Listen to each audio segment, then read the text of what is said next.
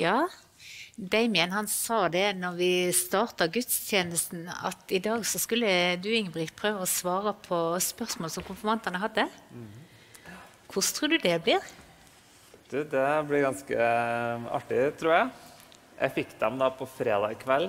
Da filma vi de spørsmåla, så jeg har liksom ikke sittet i mange timer og forberedt meg. Um, og ja, det er klart at uh, det å få sju spørsmål fra sju meget oppegående konfirmanter, det er um, ikke nødvendigvis så lett å svare på de spørsmålene. Og jeg tror eh, kjære konfirmanter, at dere kommer til å være litt frustrert fordi at jeg har bare to og et halvt minutt å svare på hvert spørsmål. Og dere har stilt eh, spørsmål som det er skrevet lange masteravhandlinger og eh, doktorgrader om. Så dette her det blir bare et lite drypp, men nå skal jeg få prøve. Og så er Det sånn at det er ikke alle spørsmål som eh, bestandig kan besvares. og Det må vi noen ganger tillate oss. at Vi kan ikke vite alt. Det står i Bibelen nå at vi ser bare ting som i en gåte her på jorda, men en dag da vil vi forstå alt. Så, ikke sant. Ja. Er du klar? Ja, jeg må nå bare si det, da. Så får vi ja. se hvordan det går. La oss prøve. Vi starter med film én.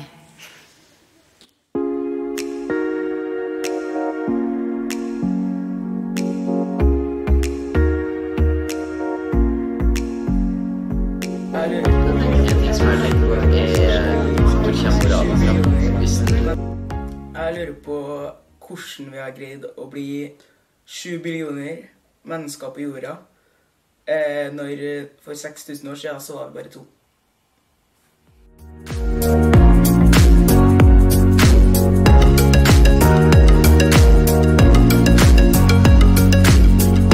Utfordringen gitt, Ingebrigt. Ja. Sju billioner, altså engelske billioner, da, milliarder mennesker har blitt på jorda. Um, og hvordan er det mulig hvis eh, det var 6000 år siden? Eh, og nå sitter det noen som er litt eh, bedre på matte og fysikk og sånn enn meg. Men eh, vi kan jo bare teste det og se om det går. Um, hvis vi ser for oss at um, en person, da, eller et par på to stykk, de får i snitt 1,2 barn hver, altså 2,4 barn i en familie. Uh, og det er gjennomsnitt, ikke ja, Det er ikke vanlig å få 0,4 barn. Um, uh, så kan vi teste Så da setter vi um, Skal vi se her Må spørre blad om. Ja, la oss si 1,2, da. Og så hvor mange 6000 år. Eh, hvis vi tar ned 30 år per generasjon 6000 delt på 30, det er 200. 200 generasjoner. Så dette her, det kan da skje 200 ganger. Opphøyd i 200. Nå, nå er jeg spent på eh, Er det rett, Johannes? Ja, Johannes nei, klapper. Er det noen som kjapt kan bare regne ut det tallet her for meg? Ja, det Førstemann.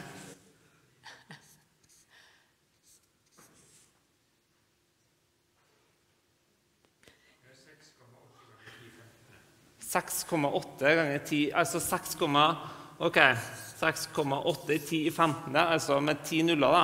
Nei, 15 nuller. Ja. ja. Det er veldig nært uh... Ja. så, og der altså, Så det kunne potensielt vært ganske mange flere. Dette er ca. 7 milliarder, hvis det er bare 9 nuller. Så eh, det er faktisk fullt mulig. Eh, med 6000 Nei, med at, eh, at det kunne ha vært 7 eh, milliarder mennesker på jorda hvis det da var to.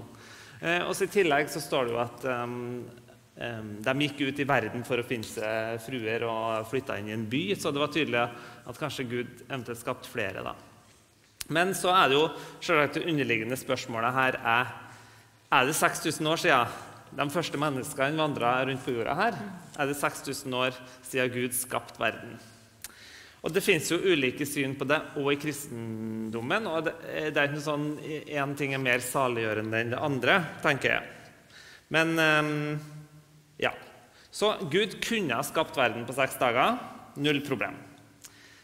Samtidig så er det en del ting som tyder på at verden er eldre enn det. F.eks. det her eh, oss, Det er mange flere her som bor i eh, leirebakka og har kvikkleire under seg. Eh, og det kan vi tenke det er fordi at det var et, eh, en istid her for eh, 10 000 år siden som etterlot det der. da. Eh, og, så det er veldig mange ting vi baserer vår eh, forståelse av verden her nå, som gir mening hvis en tenker at jorda er eldre enn 6000 år. Um, men ja, så dermed så kan en kanskje tenke at jorda er lenger enn 6000 år. Og så er jeg sånn at, tenker jeg at uh, Første Mosebok 1-11 er ikke en naturvitenskapelig avhandling. Um, så, som, men det har mer å si for menneskets grunnvilkår her og nå. Noen sier at vi skal lese det bokstavelig. Jeg er ikke så glad i ordet 'bokstavelig'. Jeg tenker vi skal lese det sånn som de som skrev det, ønska at vi skulle lese det. At det er den mest eh, fornuftige tanken. Og da tror jeg kanskje at eh, 6000 år siden, det tenker jeg ikke er eh, realiteten, men at jorda er eldre enn det, og at Bibelen aldri har tenkt å svare på hvor gammel verden er. Mm. Mm. Så når de skrev det, så skrev de det som om det var lenge siden? Ja. ja. Mm. Er du klar for neste? Ja. ja. Da kjører vi film igjen. Eh, jeg lurer på hvorfor Gud ba Abraham om å ofre sønnen sin.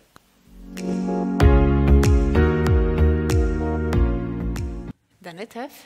Den er tøff? Ja. ja. Et veldig godt eh, spørsmål, eh, Hanna. Og eh, det er mange som har forsøkt å gi et svar på det. Og um, kanskje er det litt sånn at når vi uh, møter Bibelen, så blir vi litt skremt av de spørsmålene vi får. Men uh, de som skrev Bibelen, spesielt av Gammeltestamentet, de har en litt annen tanke. Det var nemlig at når du får et spørsmål fra teksten, da det er bra. For da er det her er noe gull å hente. Her er et eller annet mysterium som du skal få lov til å finne litt mer ut av. Så stedet for at de bare skriver et regnestykke med to strek under svaret, så skriver de det på en sånn måte at du skal stille spørsmål. Sånn at når oss da, eh, Så jeg tenker at det at du stiller det spørsmålet Han hadde en helt rett lesning av teksten. Så bare sånn, Hvorfor gjør du det her, Gud? Det er helt rett å tenke sånn. tenker jeg. Men så er det også et spørsmål som er enda viktigere tror jeg. Og det er hva ønsker Gud eller forfatteren at vi skal lære av denne teksten her? Um, og det eh, er ganske interessant. Fordi eh, det er flere ting som Gud ønsker å eh, lære oss med teksten her. For de første leserne så var det en overraskende for oss, kanskje, men at den teksten her skulle lære oss at det ikke er riktig å ofre mennesker. Hvis dere leser eh, Gammeltestamentet, så skriver de ofte om folk rundt som driver og ofrer mennesker. Og det er faktisk også noen i Bibelen som ofrer mennesker. Og da blir eh, Gud ikke spesielt fornøyd. Um, ja. Og så er det også sånn at uh, den teksten her, den gir liksom ikke helt mening for oss før oss får Jesus. Og sånn er det med veldig mye i Gammeltestamentet. Det gir ikke helt mening før Jesus kommer. Um, for det er ganske mange likhetstegn mellom Isak i den fortellingen og Jesus. For dere som ikke har lest fortellingen, så kan dere gå til 1. Mosebok 22 når dere kommer hjem og leser. Men både Isak og Jesus var sønner som var venta veldig, veldig lenge. De var dypt elska av eh, fedrene sine. Og både Isak og Jesus bærer treverk på, veggen, på ryggen. Isak må bære veden opp, og Jesus må bære korset sitt til Golgata. Og Så eh, kommer det en liten forskjell, og det er at Isak slipper å ofres, mens eh, Jesus måtte. Men Gud tilbyr dem da et lam i stedet oppå fjellet der. Um, og så er det sånn at Teksten er på en måte en sånn, et uttrykk for at eh, Abraham skulle testes. Ikke så mye at han skulle testes for å finne ut du, nå svikter du, nå svikter du, nå svikter du. Nei, men han skulle få muligheten til å vise at han var trofast. Husk, han har fått Isak når han var over 100 år, og kona var over 90. Så eh, han burde stole ganske mye på Gud. Og han stoler så mye på Gud at han tror at det er det beste for ham, det som også er litt rart. Og så viser Gud i den teksten at jeg kommer aldri til å kreve av det at du skal ofre sønnen din. For det slapp du. Han griper inn og hindrer Abraham å gjøre det.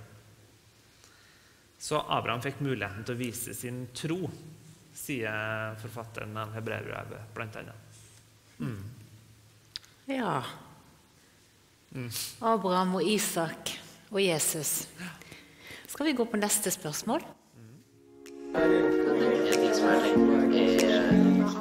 Jeg lurer på om hvordan vi skal klare å ikke synde i himmelen og likevel ha fri vilje. Ja, hvordan skal vi kunne ha, være syndfrie og ha fri vilje på en gang Ja, når vi kommer til himmelen? Det var artig spørsmål. God, ja, det, jeg har aldri hørt det spørsmålet før. Så det er um, gøy. Du, um, eh, jeg måtte ta en eh, telefon til min eh, gode venn Bjarte i går, og så oss litt gjennom spørsmåla. Um, og da ble det et lite svar. Altså, Gud har jo fri vilje, men han synder jo ikke. Um, og jeg tror at når vi på en måte kommer til himmelen Nå sier Bibelen veldig lite om hva himmelen er. Den snakker mest om hva himmelen ikke er. Og det er ikke et sted for sorg, det er ikke et sted for smerte, det er ikke et sted for synd. Um, men um, Så det er litt vanskelig å vite hvordan himmelen akkurat ser ut. Uh, og det tror jeg Gud liksom ønsker at det skal være et lite mysterium for oss, for at vi skal kunne leve livet her og nå, og heller prøve å skape litt himmel på jorda.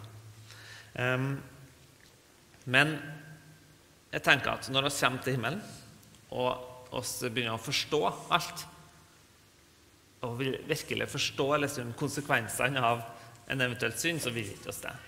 Det er på måte på samme måte som at vi ikke vil bare slutte å spise, um, tenker jeg.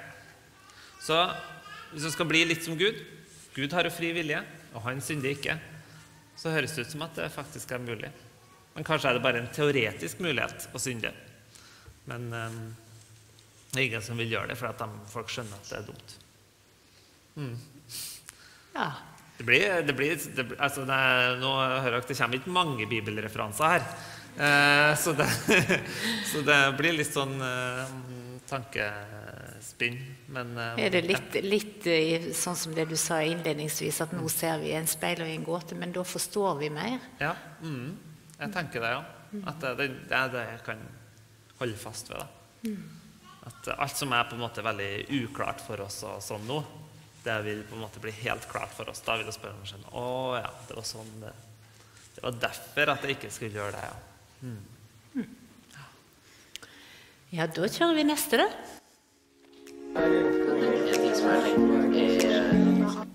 En ting som jeg har tenkt på, er hvor kommer moralen fra hvis den ikke kommer fra Gud? Hvor kommer moralen fra hvis den ikke kommer fra Gud? Artig spørsmål, Philip, for nå må jeg liksom sette meg inn i noen som ikke tror på Gud sin tankemåte. Og det er jo ikke så, så eh, lett eh, bestandig. Men, Det eh, fins altså, jo mange moralske mennesker som ikke tror på Gud. Ja, nettopp. For det er jo ikke sånn at eh, de som eh, tror på Gud, de er snille og greie, og de som ikke tror på det, de er fæle og slemme. Ehm, så eh, alle mennesker er moralsk, tenker jeg, på et eller annet plan. Men oss har likevel alle sammen en viss forskjellighet i vår moral. Um, jeg tenker, jeg tenker sånn Jeg kan um, svare på spørsmålet med to på en måte, fagområder. Først er på en måte naturfagsmåten. Kan jeg si at um, moral det er kun et uttrykk for evolusjon. At um, evolusjonen har programmert hjernen vår sånn at eh, det er lurt for oss å oppføre oss på en viss måte for å bevare slekten vi har. Og så har jo klart å blitt ganske mange. Det har vi lært tidligere i dag. Sju milliarder mennesker. Eh, Så en eller annen ting må vi jo ha gjort det rett. Um, og kanskje er det moralen en del av det. At vi har lært det. Eh, Og så er det på en måte det samfunnsvitenskapelige svaret, kanskje det samfunnsfagsvaret. Der en kanskje kan si at hver enkelt av oss har vår moral, og så blir oss enige i fellesskap på en måte om hva det er som hele samfunnet her skal styres av. Sånn at ikke alle sammen går og gjør som de vil, men at vi blir på en måte enige. Og så er det sånn at De fleste da blir opplært i det vi er enige om. Så dermed så vil de på en måte opplæres i en form for sånn, skal, sånn er riktig, og sånn er galt. Um, og, ja. Så um, det er på en måte kanskje to sånn svar. Jeg, jeg syns kanskje ikke de kommer helt eh, til sin rette. Fordi at jeg tror de fleste mennesker nesten vil være enige om at det er en eller annen slags sånn standard for moral som oss alle på en måte har å forholde oss til, som er utafor oss sjøl. For oss kan alle være enige om at vi har noen tanker i oss sjøl, men så tror jeg vi vil være enige om at i rommet her så er det mer enn at vi bare har blitt enige om at det her er riktig og det her er galt, men at det er en slags sånn moralsk standard som eh, følges. Altså objektiv da, moral. Medfødt på en måte?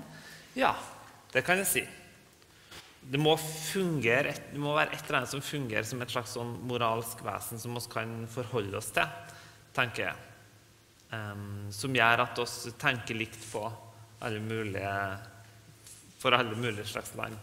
Um, det er veldig mye som ikke vil gi mening at vi holder på med, egentlig sånn rent moralsk.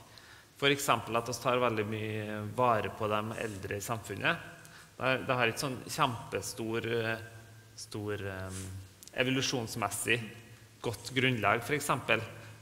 Um, det vil egentlig ikke være veldig fornuftig. Vi burde egentlig bare uh, la dem dø, skulle jeg si. Men um, hvis vi skulle kun tenkt evolusjon, for de kan jo ikke forplante seg videre. Um, så jeg, jeg, tenker jo da at det fins en Gud som har gitt oss en moral som vi skal få. Mm. Og så er det vel sånn at det er den samme guden som har laga både sånn, Når vi tror på en gud, så ja. tror vi jo at det er den som har, guden som har laga både de som tror på han, og de som ikke tror på han. Ja, absolutt. Så med de samme egenskapene. Mm. Mm. Og det sier jo Bibelen nå, at måte, alle har fått åpenbart en viss, til en viss grad hva som er Guds vilje her i verden. Det ligger vevd inni oss. Mm. Ja, neste spørsmål Er vi klar for det, da?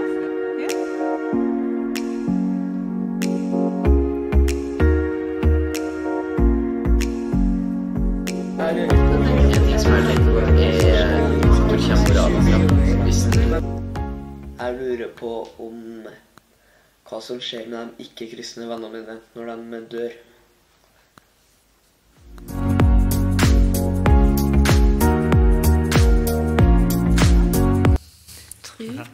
Og døden?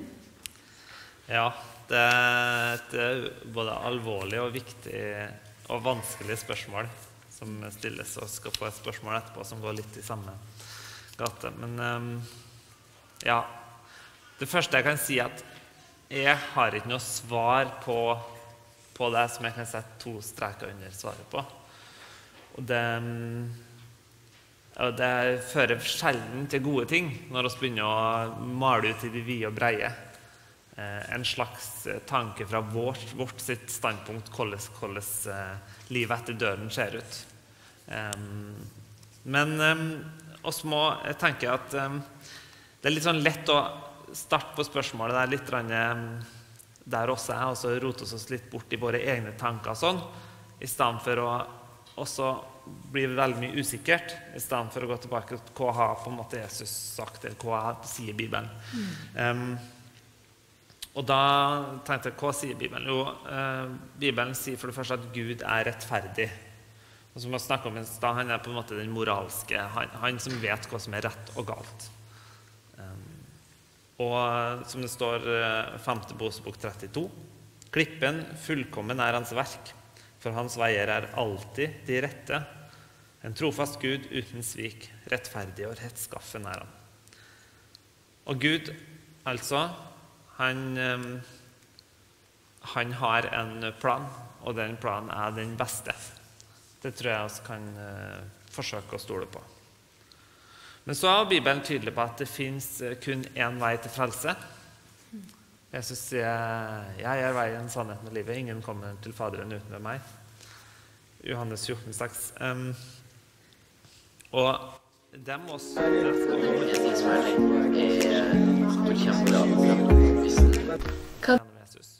Em, Gud er rettferdig, og så er Gud god. Han har omsorg for alle mennesker. Han ønsker at alle mennesker skal bli frelst. Det står det i Bibelen.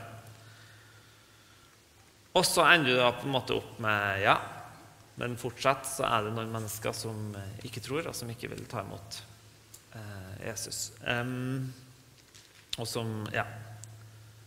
Og i kristen tro så lærer oss at det er to utganger av livet. Det ene er himmelen, og så det andre som da kalles for eh, fortapelsen. Hvem som havner i fortapelsen, er veldig vanskelig å si. Eh, Iallfall eh, når eh, vennene våre er 13-14-15-16 år. Um, fordi at, eh, og hva som skjer mellom Gud og mennesker, det skal vi aldri si noe om. Em, jeg har hørt eh, Mamma sa det, og det satte seg veldig i meg når jeg var liten. Så sa hun jeg tror vi blir overraska over hvor mange av oss finner i himmelen når vi kommer dit. Um, men så snakker han da om fortapelsen. Jeg tar litt ekstra tid på spørsmålet her. Um, fortapelsen, hva er det? Det fins ulike teorier. Eh, ene er det som heter for annihilasjonisme. For dere som eh, lurer på hva det er, så betyr det opphøret av eksistens. At eh, fortapelsen er på en måte å dø, og da dør oss helt og ikke eksisterer mer. Og så er det noen som eh, gjerne las ei bok på 1200-tallet som kom fra Dante Allegri, som het eh, Nå glemte jeg ja, glemte navnet. Men eh, som da malte ut et slags sånn helvete som oss jeg har hørt skremmebilder av i dag, med flammer og pinsel og hele den pakka der. Eh, Før 1200-tallet så har ikke de noen veldig klar tanke om helvete, egentlig. Så Eh, Men det har oss da ja, Så kom da den forfatteren, og så brukte de det til å skremme folk. Um, så ja um, Det er veldig få som holder fast på en sånn type evig pine. For det, det, det eh, stemmer ikke overens med at Gud er rettferdig. Eh, at Gud vil eh, la rettferdighet skje, og at alle sammen da vil skjønne ja, sånn må det jo bli. Um, og så sier C.S. Lewis, han er, som har skrevet Narnia-bøkene, og litt sånn, han sier at uh, det fins to typer mennesker. Det er dem som sier til Gud 'la din vilje skje'. Og så er det dem Gud sier til 'la din vilje skje'. Altså de som sier til Gud 'la din vilje skje', og de som Gud sier 'la din vilje skje' til. Og han har en tanke om eh, at fortapelsen er at eh, oss lar folk eh, Vær så god, nå får du gjøre som du sjøl vil. Um, og så blir det noen konsekvenser som du må høste av det. Men um, ja. Uh, uansett så tror jeg at uh, oss bestandig må komme tilbake når det kommer til dette spørsmålet her. Hva oppdraget vårt? Oppdraget er å få med oss flest mulig til himmelen. Oppdraget vårt er å spre Guds rike her på jord. Og um, ja. Mm. Så er det veldig viktig at vi ikke spekulerer. Eh, Jeg, liten, jeg husker når jeg var liten, så har jeg en liten teori om at uh, fordi at jeg oppdaga at det var veldig mange som, av de klassekameratene mine som sang falskt, som ikke var kristen. Eh, Så jeg fikk en liten teori om at hvis du sang falskt, så betydde det at du kom til helvete. Og hvis du sang rent, så kom du til himmelen. Ups. Ups. Jeg har lagt fra meg den tanken nå. Ja, det var fint. Så alle dere som ikke synger så rent, bare Syng i vei. syng i vei og slapp Ja. av. Det er i alle fall ikke det det går på. Nei, det er ikke det det går på. Nei. Og det er ikke vi som skal, vi som skal si noe om hvem det er. Det er Gud. Nei, det er heldigvis Gud. Og jeg tror at den dagen liksom oss, den dagen den tida her på en måte er ferdig, så vil oss nikke oss og si ja, sånn, sånn må det bli. Um, det her er det som er rettferdig, det her er det som er godt. Ja. Mm.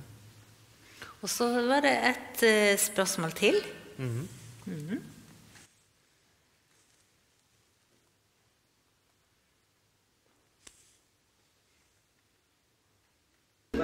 Hva tenker Gud om dem som tror på andre religioner, og som aldri får muligheten til å lære om kristen tro?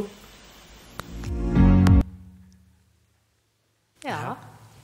Det er i nærheten av det andre. Eh, nærheten, men eh, ja. Så det tok jo en del eh, tid på å besvare det forrige spørsmålet. Men eh, hva tenker Gud om dem? Det første er jo at eh, Gud ønsker at alle mennesker skal bli frelst. Han elsker hele verden.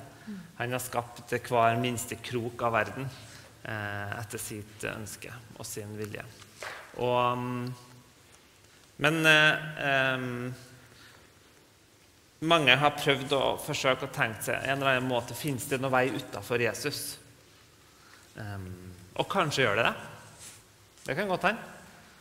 Men eh, Bibelen forteller kun om den ene veien.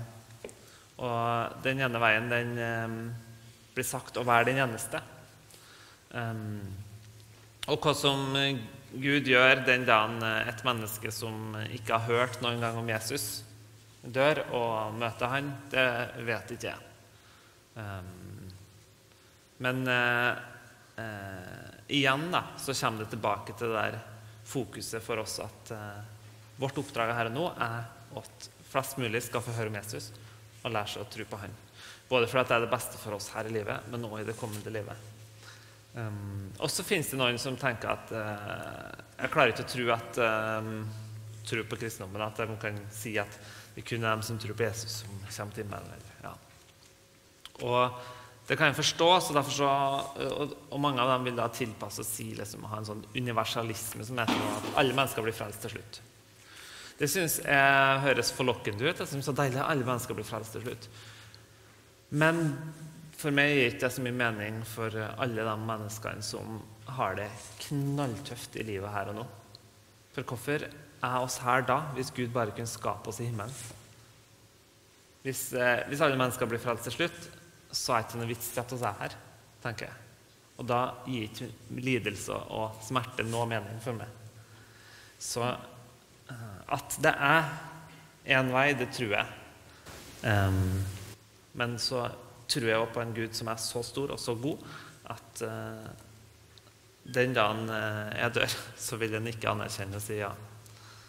Takk for at du fiksa det her, Gud, for det klarer ikke jeg. Det er vanskelige Ja, spørsmål du har fått. det, ja. Det er det. Vi har Jeg tror vi har ett igjen. Kan det stemme det? En Jeg lurer på hvorfor tro?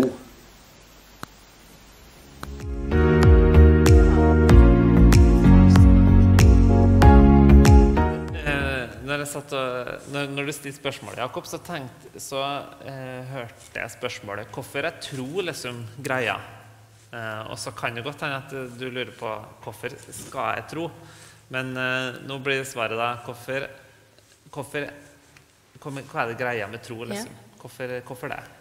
Um, og da eh, tenkte jeg bare jeg skulle ta en sånn kjapp eh, ting. Jeg har ikke hatt denne eh, greia med konfirmantene ennå, så det, det kommer snart.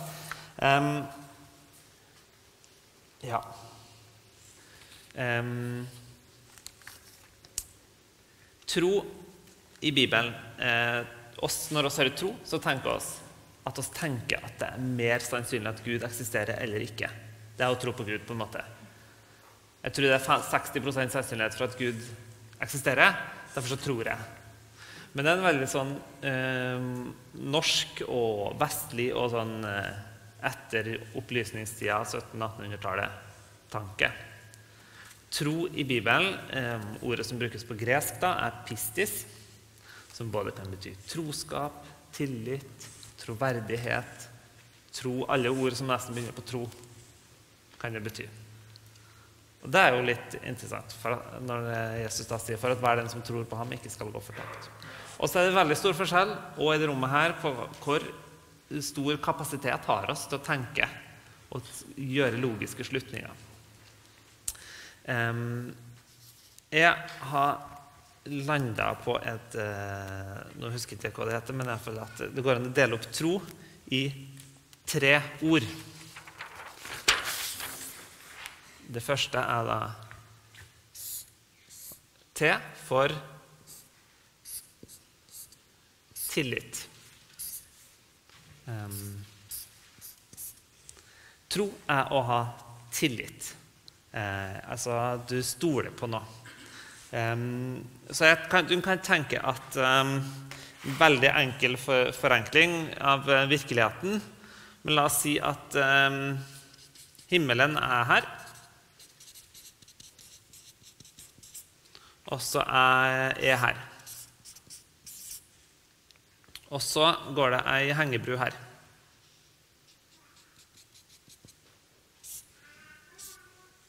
Og jeg må over den. Og det er dypt under? Ja, det er, det er dypt under. Iallfall tilsynelatende for meg.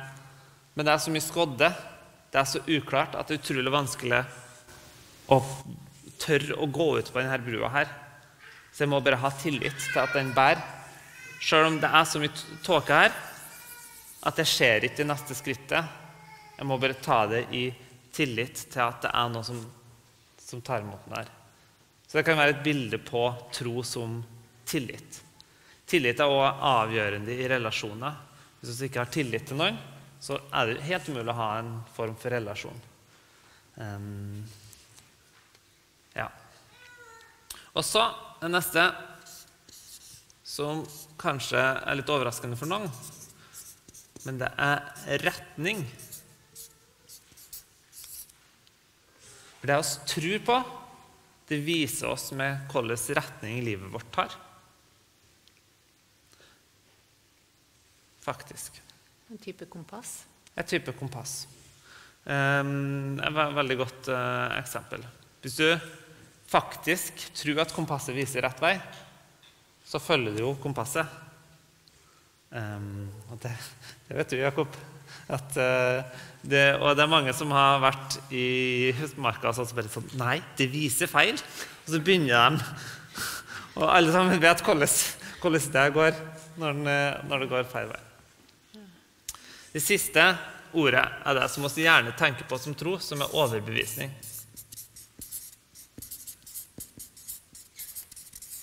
Ja, der stoppa arket. Um, overbevisning at uh, oss har fått en hjerne, en fornuft, til å tenke oss litt om. Og den skal vi få lov til å bruke til å finne fram til Gud. Skal vi ha tillit til han, så kan han gå den veien han vil. Finne ut at det kanskje var litt lurt. Og så kan vi bli overbevist om at det er faktisk sant. På en måte så snakker du om tillit som en sånn hjerteting, og mm. retning som en fysisk, altså ja. kroppslig ting, og ja. overbevisning som en hode- og tanketing. Ja, det var veldig godt, uh, godt oppsummert. Ja. Mm. ja. Har vi tatt alle spørsmålene, alle sju spørsmålene, da? Ja. Er du svett? Ja. ja. Jeg holder armene inntil kroppen. Jeg har grå skjorte på i dag. ja, ja. Det er greit. Eh, veldig spennende spørsmål. Mm. Og veldig tankevekkende svar. Mm. Jeg tror eh, iallfall har jeg fått med meg noen ting å tygge videre på. Mm. Det var et forsøk. Mm. Mm. La det være med det. Mm. Mm. Vil du si noe mer eh, til slutt, Ingebrigt? Nei, bare fortsett å undre. Bibelen er skrevet for at du skal stille spørsmål. Det må vi huske, oss som lever i en tid vi gjerne vil ha svaret med en gang. Tar og ber ei kort bønn.